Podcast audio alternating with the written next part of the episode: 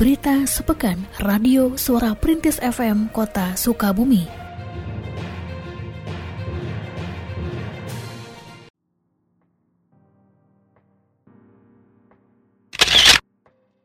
Dinas Koperasi, Usaha Mikro, Perindustrian, dan Perdagangan di Skumindag Kota Sukabumi menyelenggarakan pelatihan selama tiga hari mengenai pengemasan produk yang diikuti oleh 30 orang pelaku UMKM. Pelatihan yang dimulai pada 28 September hingga 30 September mendatang dibuka secara resmi oleh Wali Kota Ahmad Fahmi di Hotel Horizon. Wali Kota dalam sambutannya saat membuka pelatihan menyampaikan bahwa digitalisasi UMKM merupakan salah satu dari tujuh pengembangan ekonomi baru yang ditetapkan oleh pemerintah Provinsi Jawa Barat yang diharapkan memiliki daya ungkit terhadap perekonomian.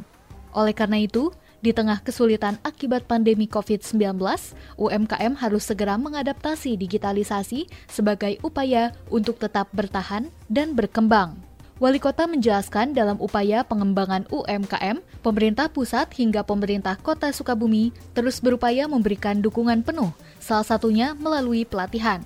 Pada tahun ini, Diskumindag telah menyelenggarakan enam kali pelatihan bagi UMKM. Jadi dari tujuh ekonomi baru yang dicanangkan Pak Gubernur pasca pandemi ini adalah salah satunya adalah digitalisasi terkait yang berhubungan dengan UMKM. Nah tentunya bagaimana semangat kita UMKM ini mereka semakin profesional, semakin mampu adaptasi dan dinamis dengan perkembangan zaman khususnya masa pandemi termasuk juga bagaimana pemerintah memfasilitasi teman-teman UMKM ini untuk mendigitalisasi produk-produk mereka sehingga semakin meningkat penjualan mereka. Sementara itu, Kepala Diskumindag Kota Sukabumi, Ai Jamiat, menyampaikan berbagai dukungan lainnya yang dihadirkan oleh pemerintah adalah melalui bantuan permodalan bagi UMKM yang disalurkan melalui berbagai program. Pada kesempatan tersebut, dijelaskan pula bahwa Diskumindag dalam pengembangan koperasi akan segera meluncurkan koperasi digital. 63 unit rumah tidak layak huni atau rutilahu akan diperbaiki dengan menggunakan dana yang bersumber dari DAK atau dana alokasi khusus Dinas Pekerjaan Umum dan Tata Ruang DPUTR Kota Sukabumi. Sebagai awal pelaksanaan perbaikan, Wali Kota Sukabumi, Ahmad Fahmi, secara simbolis menyerahkan buku tabungan kepada empat orang penerima bantuan perbaikan Rutilahu pada hari Senin 27 September 2021 di kantor Bank Jabar Banten, Kota Sukabumi. Wali Kota dalam sambutannya mengatakan bahwa perbaikan Rutilahu merupakan komitmen pemerintah Kota Sukabumi untuk meningkatkan kualitas lingkungan perumahan dan pemukiman. Dijelaskannya, target pemerintah Kota Sukabumi dalam perbaikan Rutilahu hingga tahun 2023 adalah sekitar 1.500 unit rumah, namun sejak tahun 2017 sampai 2020 telah diperbaiki sekitar 2.600 unit rumah atau telah melebihi target yang ditetapkan.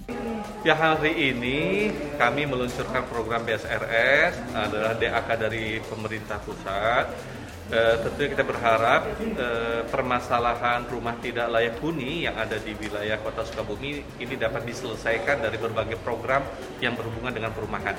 Salah satunya dari BSRS. Ya tidak bisa dipungkiri kan rumah-rumah tidak layak huni ini kita perbaiki tahun ini, tapi sering kali juga ada penambahan-penambahan baru. Jadi target yang kita harapkan sampai tahun 2023 itu 1.500 unit. Alhamdulillah sekarang sudah 2.600an yang sudah diperbaiki. Jadi sudah over target. Sementara itu, Kepala Bidang Perumahan DPUTR Kota Sukabumi, Asep Yoni, menjelaskan bahwa melalui DAK DPUTR, setiap penerima bantuan akan memperoleh dana sebesar 20 juta rupiah untuk perbaikan rutilahu. Target penerima bantuan ini adalah masyarakat berpenghasilan rendah.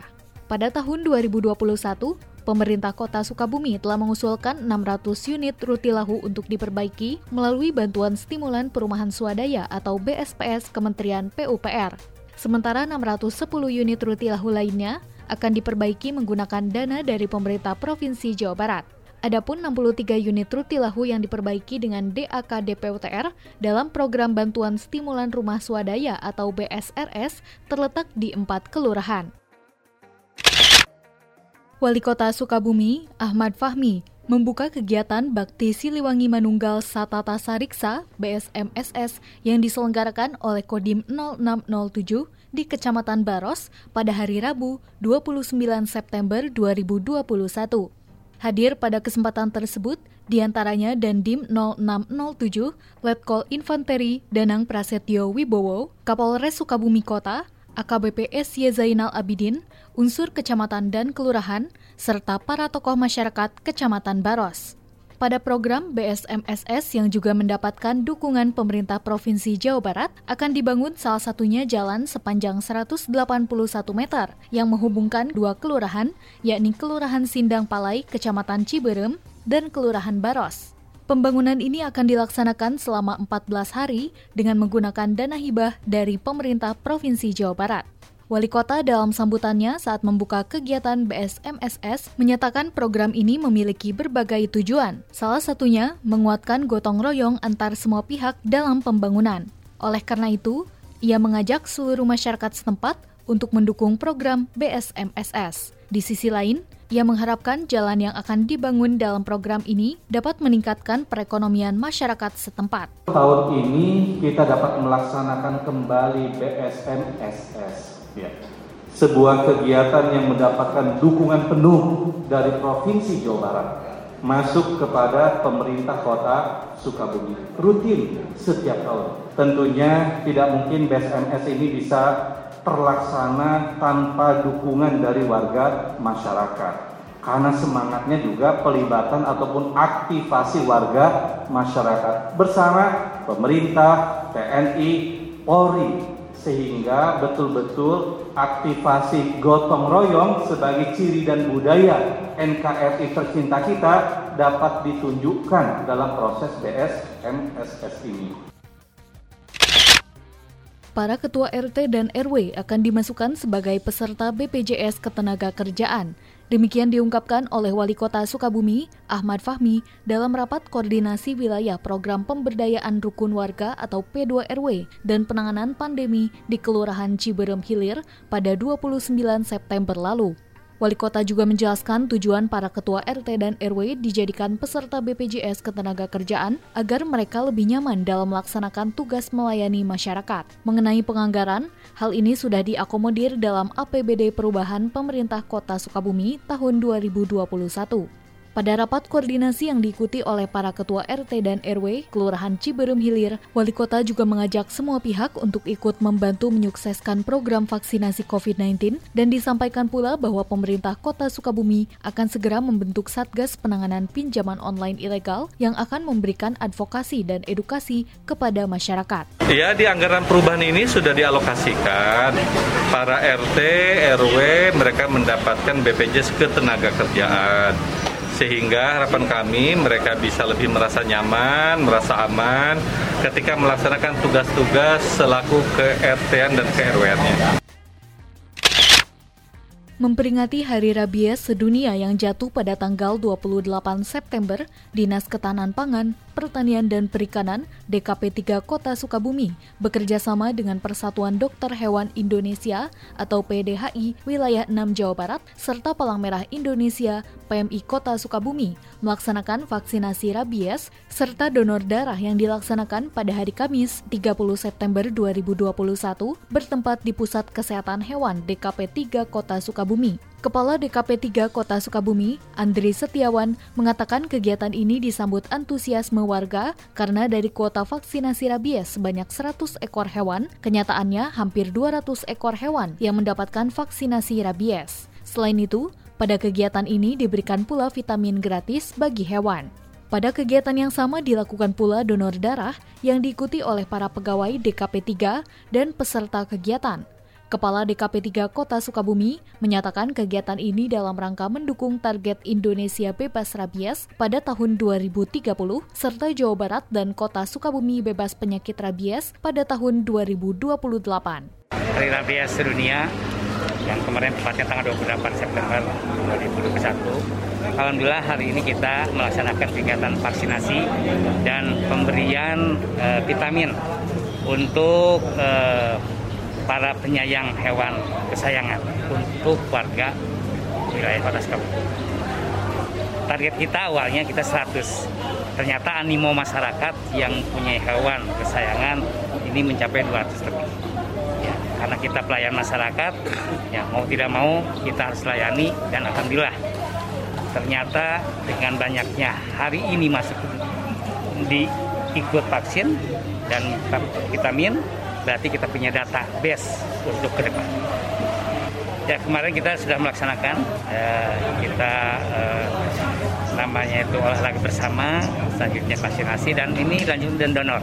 Karena kita kolaborasi DKP 3, PMI Kota Sukabumi dengan Perhimpunan Dokter Hewan Indonesia eh, Jawa Barat 6. Jajaran Komisi 2 DPRD Kota Sukabumi bersama Dinas Pekerjaan Umum dan Tata Ruang DPUTR Kota Sukabumi meninjau pengerjaan penataan kawasan pedestrian Ahmad Yani pada hari Jumat 1 Oktober 2021. Dalam peninjauan tersebut, Komisi 2 DPRD dan DPUTR melihat pengerjaan penataan pada segmen 1 dari mulai simpang Jalan Julius Usman hingga Jalan Ciwangi dan segmen 2 dari persimpangan Jalan Ciwangi ke perempatan Jalan Jenderal Jakse. Pengerjaan penataan yang telah dimulai di antaranya adalah pengerjaan trotoar di sisi kanan dan kiri Jalan Ahmad Yani. Kepala DPUTR Kota Sukabumi Asep Irawan mengatakan bahwa pengerjaan penataan kawasan tersebut ditargetkan selesai pada 20 Desember mendatang. Sejauh ini pengerjaan baru mencapai 5%, sehingga ia meminta kepada pengembang untuk menerapkan sistem pengerjaan sip malam dan siang agar pengerjaan bisa tercapai tepat waktu. Adapun pengelolaan pengaturan PKL menurutnya akan dilaksanakan segera dan juga dalam waktu berdekatan trotoar Jalan Harun Kabir akan dibangun. Memang ini proyek yang kondisinya tidak biasa. Melihat uh, waktu, melihat situasi di lapangan. Jadi di samping tadi yang disampaikan oleh Pak Ipa dari Komisi 2, menambah personil dan peralatan. Satu hal lagi dari kami itu, menambah waktu kerja. Hmm. Jadi ini nanti pekerjaan akan dilakukan dengan metode shift, dua shift kerja siang dan malam. Kalau nggak begitu sebenarnya nggak selesai. selesai. Kami saat ini melihat di lapangan kenyataan produktivitasnya, nanti kita evaluasi, kemungkinan nanti akan kita tahu lagi uh, apa uh, progresnya itu. Pak sejauh ini uh, target mingguan atau gimana Pak? Bagus, Sampai ya? saat ini mm, progres baru mencapai kurang lebih 5 persen. 5 persen. Nah, makanya nanti kita kita lihat, kita evaluasi lagi. Itu sesuai dengan capaian target kan? Masih belum lah, masih, masih belum ya. Nanti kita kita coba evaluasi lagi kira-kira apa solusinya supaya uh, proyek ini on schedule lah sesuai dengan yang direncanakan. Sementara itu Ketua Komisi 2 DPRD Kota Sukabumi Ivan Ruspansah Trisya menyarankan pengembang menambah alat kerja dan jumlah pekerja agar kawasan pedestrian Ahmad Yani dapat terbangun tepat waktu. Sedangkan mengenai penempatan PKL, ia menjelaskan telah dilakukan beberapa kali rapat mengenai penempatan sesudah selesainya penataan kawasan tersebut. Sejauh ini, diskusi mengenai hal tersebut masih dilakukan. Dan memang kalau saya ngelihat progres masih masih tetap masih masih tetap sama. Cuman ini waktu kita mepet. Waktu tinggal dua bulan normal. Kalau Desember kita jangan gitu.